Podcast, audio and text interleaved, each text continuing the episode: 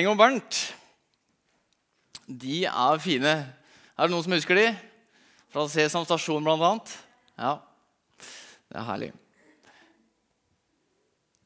Kan vi ha en rasjonell tro? skal jeg prate litt om i dag. Um, jeg vet ikke om dere kjenner dere igjen i uh, noe av uh, det dere så akkurat, i forhold til at uh, det er mange som mener mye om kristendom og hvordan Eller hvor tullete den er, osv. Og, og her er da Nå husker jeg ikke hvem som hvem her, men i hvert fall han som har da spist en kake, han vet ikke helt hvordan han skal møte alle disse argumentene mot. Ikke sant? Han er vanskelig for å forklare at det ikke er han som har spist den kaka. Er det ikke litt sånn for oss også at vi kan uh, føle det vanskelig å møte alle motargumentene som kommer? Det har i hvert fall jeg erfaring av. Jeg heter da Eirik Fjell. Går i menigheten her til vanlig og har det utrolig bra her i menigheten. Og Av og til så får jeg lov til å stå her oppe og prøve i hvert fall å si noen kloke ord. Jeg skal prate om noe som heter apolo apologetikk. Det er vanskelig ord, men trosforsvar. Eh, jeg skal liksom skumme overflata, for det er, det er så stort eh, tema. Så eh, vi prøver å Dere får prøve å henge med så godt dere kan. Og så er dette bare en liten topp av et kjempestort tema som jeg skal komme inn på i dag. Jeg har lyst til å begynne med Luther, veldig kort. Han fortalte jo da om at det var tro alene. Det var det som holdt. Tro alene. Eh, og kristendom, det, når alt kommer til alt, så handler det om tro. Og I eh, Hebrebrevet så kan vi jo lese at troen er et pant på det vi håper, et bevis for det vi ikke ser. Og det er sant. Men jeg tror det med trosforsvar, apologetikk, det tror jeg er viktigere i dag enn det har vært noensinne tidligere. Fordi de som vokser opp i dag, de har ikke fått det samme grunnlaget som mange av oss som sitter her inne, har fått tidligere. Eh, kanskje spesielt gjennom skole. Så jeg tror det at det å kunne prøve å rasjonalisere seg til en tro, altså det å prøve å forstå med hodet hvordan ting henger sammen, hvordan ting er, det tror jeg er viktigere enn noensinne. Fordi dagens generasjon er en fornuftsbasert generasjon.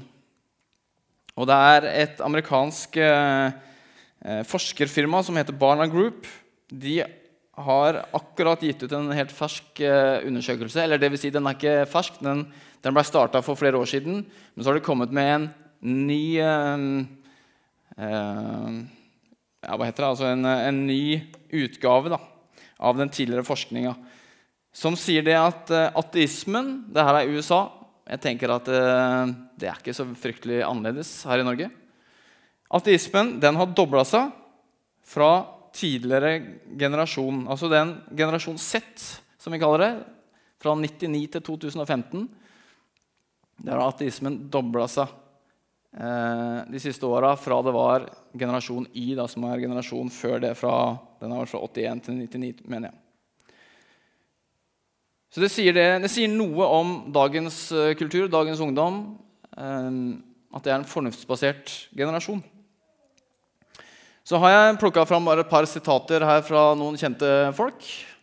Richard Dawkins, evolusjonsbiolog og populærvitenskapelig forfatter. Han sier det at eh, tro er troen på noe til tross for, eller til og med fordi det er mangel på bevis. Og Siden vi ikke har noe bevis, så må vi liksom tro på noe. da. Mark Twain, forfatter. Faith is believing what you know ain't so. Altså, Tro det er å tro på noe som du vet ikke er sant.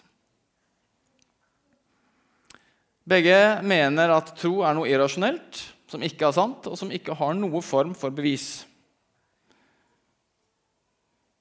Jeg tenker at disse påstandene de bunner i mangel på kunnskap, som jeg skal komme litt tilbake til.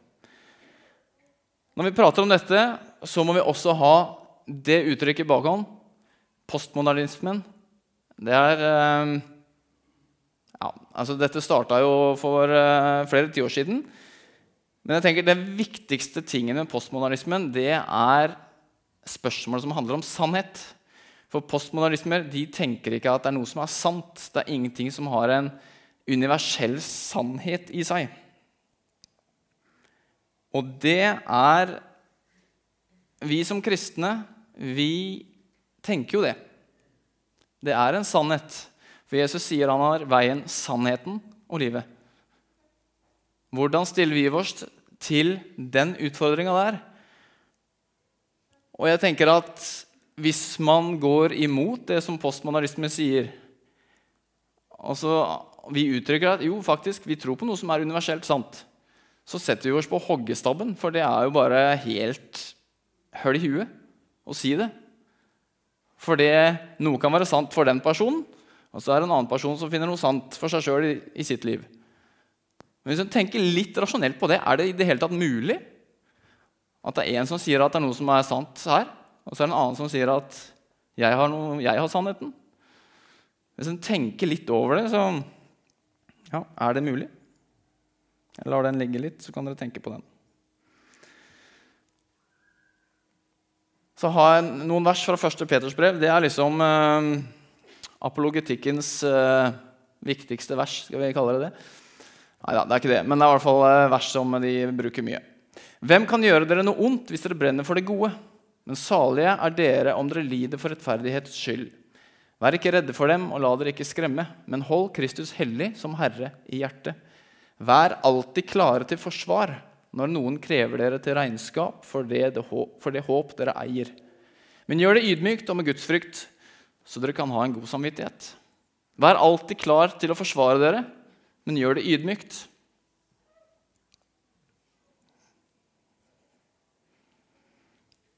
Og jeg tror at om vi gjør et dypdykk i Bibelen, i eh, det som ligger tilgjengelig av eh, manuskripter osv., så, videre, så kan vi med ganske gode beviser si noe om at det som står i denne boka, Bibelen, det er det temmelig stor sannsynlighet for at det er sant. Ok. Jeg skal ha et par punkter. Første er noe som heter tekstkritikk. Og Tekstkritikk det er studien av kopier til enhver tapt tekst.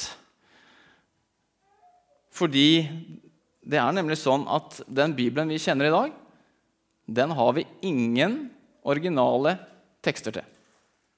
Alle originale tekster er tapt. Så kan du kanskje tenke Oi, er det lurt? Eller, eller lurt, er det bra for Bibelens autoritet at vi ikke har noen originale tekster? Og det er jo kanskje eh, naturlig å spørre seg. Så jeg kommer litt tilbake til det. Men i hvert fall da, spesielt før Johan Gutenberg fant opp uh, trykkekunsten på 1500-tallet, så er dette en viktig kilde for å finne ut om en tekst er sann. Dette med tekstkritikk. Og hvordan vi kan forstå et samfunn som var eh, skrevet om. Men så er det kanskje sånn at eh, vi kan være redde for eh, den vitenskapelige tekstkritikken i forhold til Bibelen. Det er kanskje noen som er det. Redde for at eh, den skal finne ut noe som går imot det vi tror på. Men jeg mener det at, og mange flere enn meg, mener at det at noen begynner å forske på dette, og det, det har folk gjort i mange, mange år, det skal ikke vi være redde for i det hele tatt. Faktisk så er det sånn at det heller er trosstyrkende når man kommer ut med svar i andre enden.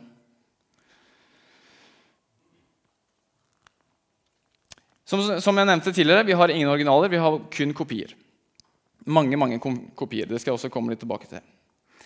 Og Kopiene er jo da selvfølgelig litt forskjellige. De er ikke helt like. Og det er stort sett fire ting som går igjen hvis man ser på de forskjellige kopiene. Og den første det er Altså, vi, vi, har, vi, snakker om flere tusen kopier her. Jeg skal komme litt tilbake til det. Eh, den første og den største, den klart største, eh, er stavefeil. Små stavefeil som ikke har noen betydning for, betydning, altså betydning for innholdet. Ingen betydning. Og så er det forskjeller som, eh, som, som eh, ikke har noe betydning. Altså, man kan skrive i, et, i en eh, tekst for eksempel, så står det 'Jesus' i den ene teksten.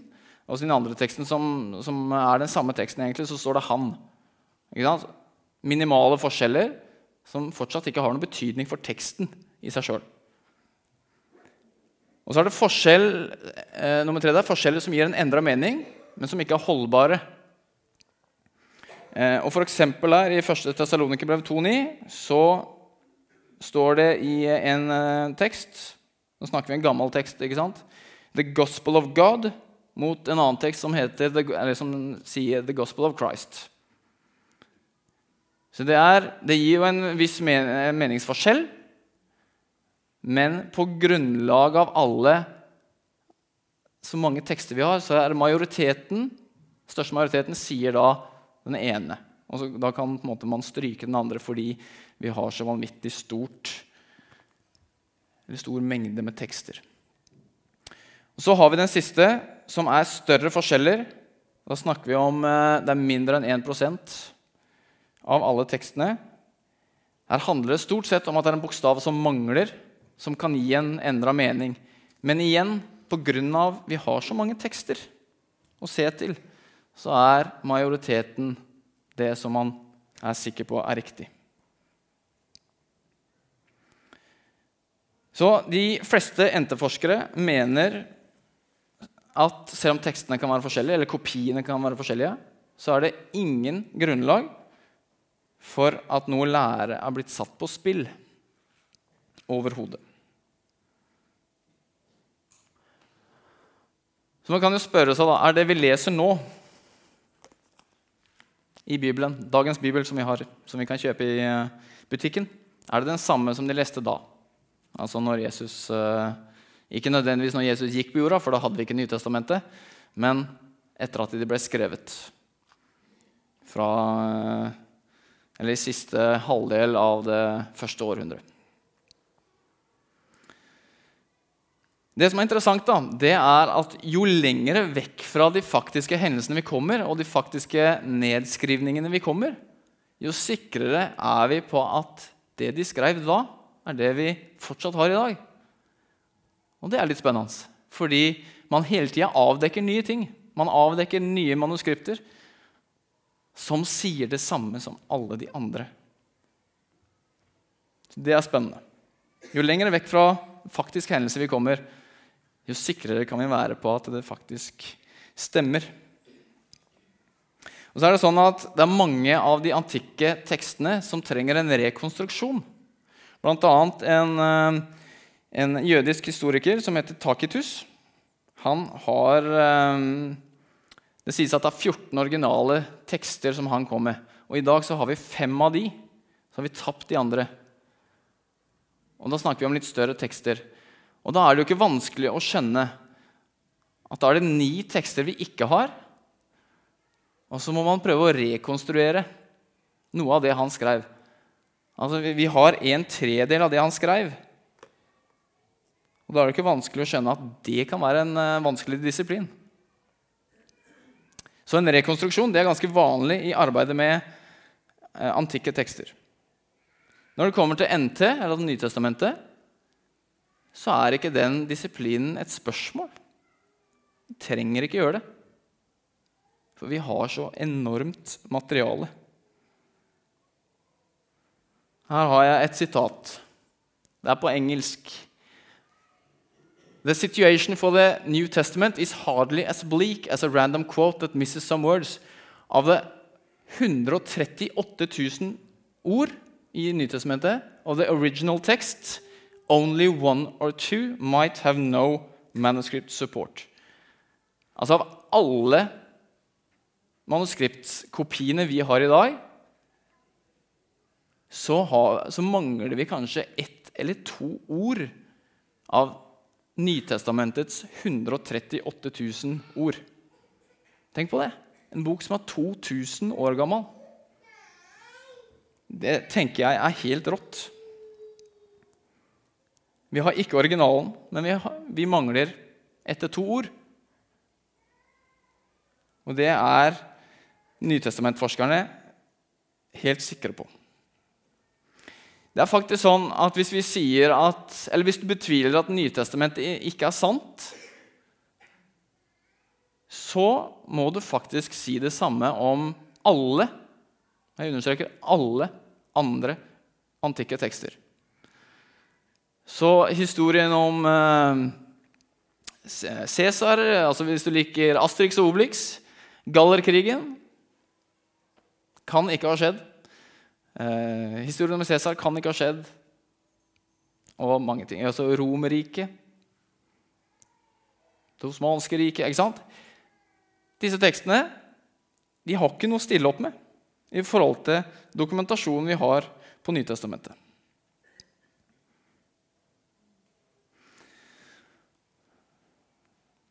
Hva med Jesus, da? Mange sier at Jesus er oppspinn, at det er bare eventyr, at han aldri har levd. Um, og det er flere verk som har bidratt til det. Blant annet Da Vinci-koden har liksom satt sine uh, preg på den diskusjonen når den kom ut for uh, ja, ti år siden. Det er et vilt uh, gjett. Noe sånt. Men det er faktisk sånn at det er svært få forskere på Nytestamentet som sier at Jesus faktisk ikke har levd som en person. Det er De aller, aller fleste sier at det er uten tvil. Han har levd som en historisk person. Til og med ateistiske forskere sier det. Så det er liksom heva over enhver tvil. Han har levd. De fleste biografier fra antikken er lang og kronglete. Julius Cæsars bøker fra Gallakrigen på 50-tallet er et eksempel. De er bevart i noen få manuskripter fra middelalderen, og ingen kan vite sikkert om de har gjort forandringer, tillegg eller strykninger som er gjort gjennom de tusen årene de har vært overlevert gjennom avskrivinger for hånd. Og evangeliene er det strake motsetninga. Nå skal vi gå innom på den eh, her litt. Jeg skal ikke bruke så veldig lang tid på den. Men se, Ser dere den eh, brikken der? Ja. Her snakker vi om eh, altså, hva, hva, slags eller forfatter, da, eller hva slags bok. Her har vi når den er skrevet. Og så her har vi når det er den tidligste kopien som vi har. Og da åra mellom den har blitt skrevet, og til den tidligste kopien som vi har. Så her ser vi da eh, Og så ser vi antall kopier her som vi har. Homers Eliade da, det er liksom den eh, etter Nytestamentet. Så i antikkens, antikkens eh, kilder, tekster, så er Homers Eliade det er den største og, og kanskje viktigste etter Nytestamentet. Så den er 643 kopier. Ganske mange. Eh, og, men altså, den har et, eh, et eh, års, eller 400 år da, mellom at den har skrevet, og den første bevarte kopien som vi har. Og så kan dere se litt ned på de andre. Du har Cæsar der, blant annet. Det er snakk om ti kopier som vi har i dag. Kjente kopier. Og så hopper vi ned til Nytestamentet. Her står det 5366. Det er litt for lavt. For det er litt større nå. Det, altså, det utvikler seg jo hele tida. Uh, her Nytestamentet ble skrevet fra ca. 50 til år 100 etter Kristus. Og her er det altså Det første nedtegna manuskriptet vi har, det er en bit av Johannes evangeliet, og det er fra år 125. Så det er liksom snakk om at det er liksom bare 25 år, 25-50 år etter at det faktisk er skrevet ned, til vi har den eldste kopien. Og når vi snakker 50 år i historisk sammenheng, altså i tekstkritikksammenheng, så er 50 år det er ingenting. Det er så å si eh, samme eh, år. Altså Det er ingenting. Når vi snakker eh, på Homers Iliade 400 år, det er, ganske, altså det er på en måte ikke noe problem tekstkritisk. Men den plansjen sier noe om at Nytestamentet har en enorm større mengde skrifter som vi har manuskripter i dag. Og hvis vi tar med andre språk, for dette er gresk på Nytestamentet Hvis vi tar med flere språk her, så kommer vi over, godt over 20 000. Så det er helt utrolig mengde vi har der. Eh, det er en som heter Richard Bauckham, som har skrevet en bok som heter 'Jesus and the Eyewitnesses'. Altså Jesus og øyenvitnene. Han sier det at eh, Eller han peker på at det levde øyevitner til Jesu liv helt opp til år 100. Tenk på det, altså Jesus døde da ca. i år 30. Eh, og det levde da øyevitner til Jesus helt opp til år 100. Som kunne stadfeste eller avkrefte det som ble skrevet om ham. Historien om Jesus ble overlevert i et miljø med levende øyenvitner, ikke i et tomrom der en fortelling kunne utvikle seg fra en fjær til fem høns, som i mange av de andre tilfellene her. Så dette er med på å vise noe at historien den er mest sannsynlig og i stor sannsynlighet ikke tukla med. For dette handler ikke om livssyn, dette handler ikke om kristendom, men faktisk tekstkritikk. Det handler om fag. Og her er alle som er i dette fagmiljøet, enige om de tinga her. Tekstkritikken, den holder vann. Så har jeg et par uh, sitater fra, fra, Vårt Land. Uh, det første her det er MF, altså menighetsfakultetsforskerne Reidar Valvik, Carl Olav Sandnes og Geir Otto Holmås eh, leser det. Det er få personer fra antikken som vi har så mange kilder om som Jesus, skrevet både av tilhengere og motstandere. At de viktigste kildene er skrevet av tilhengere, har helt sikkert satt sitt preg på dem. Jakten på den historiske Jesus i den moderne bibelforskning har i stor grad bygd på den forutsetning at evangeliene er skrevet fra troens perspektiv. Men at kildene er skrevet av tilhengere, gir ikke grunn til å så tvil om at Jesus har levd. Også Sokrates' liv og skjebne kjenner vi først og fremst til gjennom kilder skrevet av tilhengere. På den andre side skriver kristendomskritikere som Kelsos, Porfyrios og Hieraklos polemisk og svært kritisk om noen av evangelienes fortellinger om Jesus. Men de betviler aldri hans eksistens. Både jødiske og romerske historieskrivere har notiser som nevner Jesus, eller legger til grunn at han har eksistert. Så her ser vi at eh, det er ikke bare evangeliene som sier at han har eksistert, men det er også utenom eh, eh, Altså folk utafor kristne kretser. Da. Både jøder og også fiendtlige fiendtligstilte til kristendommen, som har skrevet at Jesus han har eksistert. Et til, For å finne et velbegrunnet svar på det spørsmålet, altså om Jesus har levd, må man se på alt som finnes av ulike historiske data, og så se om den beste forklaringen på disse dataene er at Jesus eksisterte, eller om det finnes en bedre alternativ forklaring. Det finnes massevis av relevante historiske data. Ikke bare er det den bibelske litteraturen, men alle de ulike kildene man kan spore i litteraturen som er svært gamle. Paulus skrev brev til mange menigheter spredt rundt omkring meget tidlig, hvor han gjengir eldre stoff utenom bibelske kilder føyer seg til rekka. Det er også relevant at vi har kilder på masse kritikk av kristendommen, men ikke kritikk som sa at Jesus ikke eksisterte. Videre er det relevant å vurdere om det som sies om Jesus, er slik man kunne tenke seg å dikte opp. F.eks. det med at Jesus ble korsfesta. Har du tenkt over det noen gang? Hadde det vært Altså Hvis man skulle dikte opp noe, da, hadde det vært det første man hadde dikta opp, at en som eh, kom som en uttalt konge, han fikk den eh, verste straffa som kunne fås. Den mest grusomme straffa som kunne fås.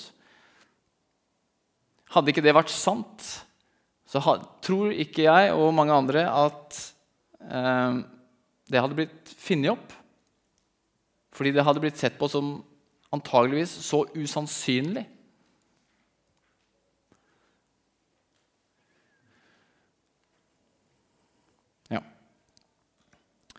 Så spørsmålet er jo etter hvert ikke om at Jesus har levd, men hvem han var. Var han mer enn et menneske? Og Der har vi også kilder som sier at mange fiender av kristendommen sa at, eller bekrefta at de kristne de lovpriste ham og tilba ham som en gud. Og aksepterte det. Og det er mange bevis som tilsier det. Eh, nå skal jeg ikke gå så veldig mye mer inn på det, fordi til slutt så må det rasjonelle, altså vår hodetanke, den må stoppe et eller annet sted.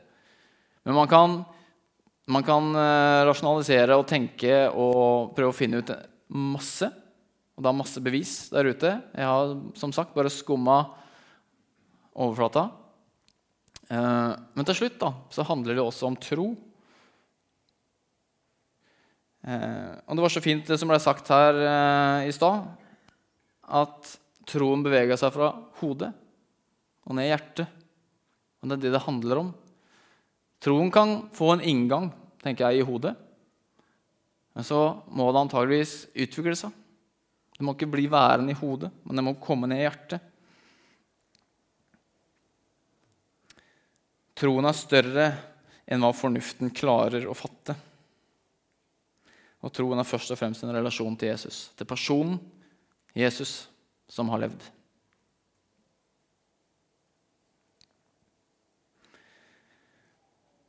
Se for deg at du skal på ferie. Du skal ut og fly. Og du eh, har gjort dette mange ganger. Du har tatt fly kjempemange ganger og er eh, ikke redd overhodet. Men du setter deg på flyet og setter deg godt til rette, og det er sånn du sovner før eh, flyet i det hele tatt har eh, begynt å bevege på seg. For dette er eh, ikke farlig. Tvers over midtgangen så sitter det en annen kar. Han har eh, knapt flydd før. Det er mange, mange år siden. Og han har grua seg til dette i ja, helt siden billetten ble bestilt. Han klarer ikke å sitte og slappe av. Han bare sitter og gruer seg og ja, Dere kjenner kanskje noe av greia. Men uansett, de har gått inn på det samme flyet. De skal til samme destinasjon. Flyet har en destinasjon den skal til. Og uansett hvor lite eller stor tro man har, så vil man komme fram fordi flyet har en destinasjon som, skal komme, det skal komme fram til. Det handler ikke om hvor mye tro du har, men det handler om hvem du tror på. Det handler om hvem du tror på, som du ønsker at skal ta deg til en gitt destinasjon. Og Jeg tror det er dette det handler om også. Man kan forstå mye i å se på bevis, og se på og gode bevis for at Jesus har levd, for at Jesus var mer enn et menneske, og for at det som står her, det er så sant som det står. Og Man kan prøve å forstå det, men til slutt så må på en måte også troa ned i hjertet. Men så handler det ikke om hvor mye tro man har. Det handler om hvem man tror på.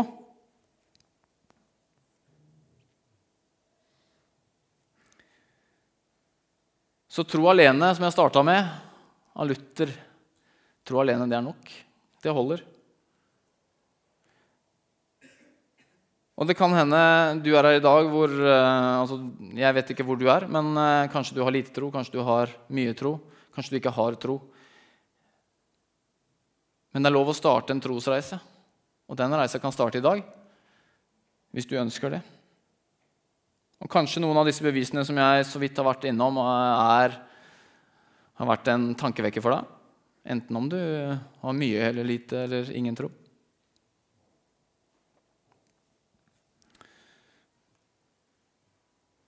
I Matteus 22 så står det du skal elske Herren din Gud av hele ditt hjerte, av hele din sjel, og all din forstand. Her står det også forstand. At vi skal kunne eh, prøve å utforske Gud. Han er ikke redd for det. Og det trenger ikke du være redd for heller. Å prøve å utforske Gud på nye måter. Enten om det er for å få bevis, vitenskapelige bevis, eller andre ting. Men også hjerte og sjel. Dette henger sammen. Helt til slutt så hadde Ford, bilmerket Ford, et slagord på 70-tallet. The closer you look, the better we look.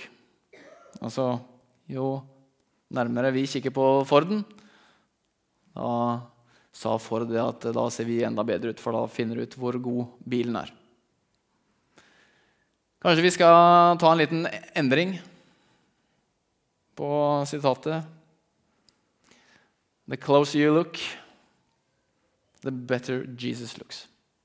Jeg tror det. Jo nærmere du kikker om du finner Jesus, enten om det er for første gang eller om det er for hundrede gang, så vil Jesus alltid komme ut bedre.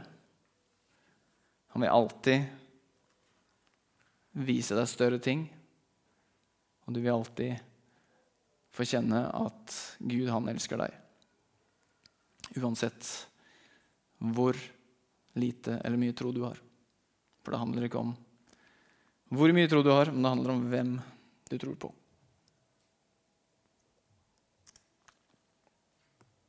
Skal vi be. Takk, Herre Jesus, for eh, at du er her. Takk, Jesus, for eh, at du eh, gikk på denne jorda som et menneske men også som noe mer, også som Gud. Takk for at du eh, gjorde mennesker friske, du satte mennesker fri. Du viste det, de og oss veien her til Gud, til din far, så vi kunne få lov til å få vårt forhold til, eh, til Gud eh, oppretta. Sånn at vi kunne få lov til å være i din nærhet. Da du døde på korset, så ja, jevna du ut veien så vi kunne gå på den her, like inn til, til Gud, til deg. Takk, Herre, for det. Må du velsigne alle som er her. Må du eh, vise de veien. Din vei, Herre. Jesu navn. Amen.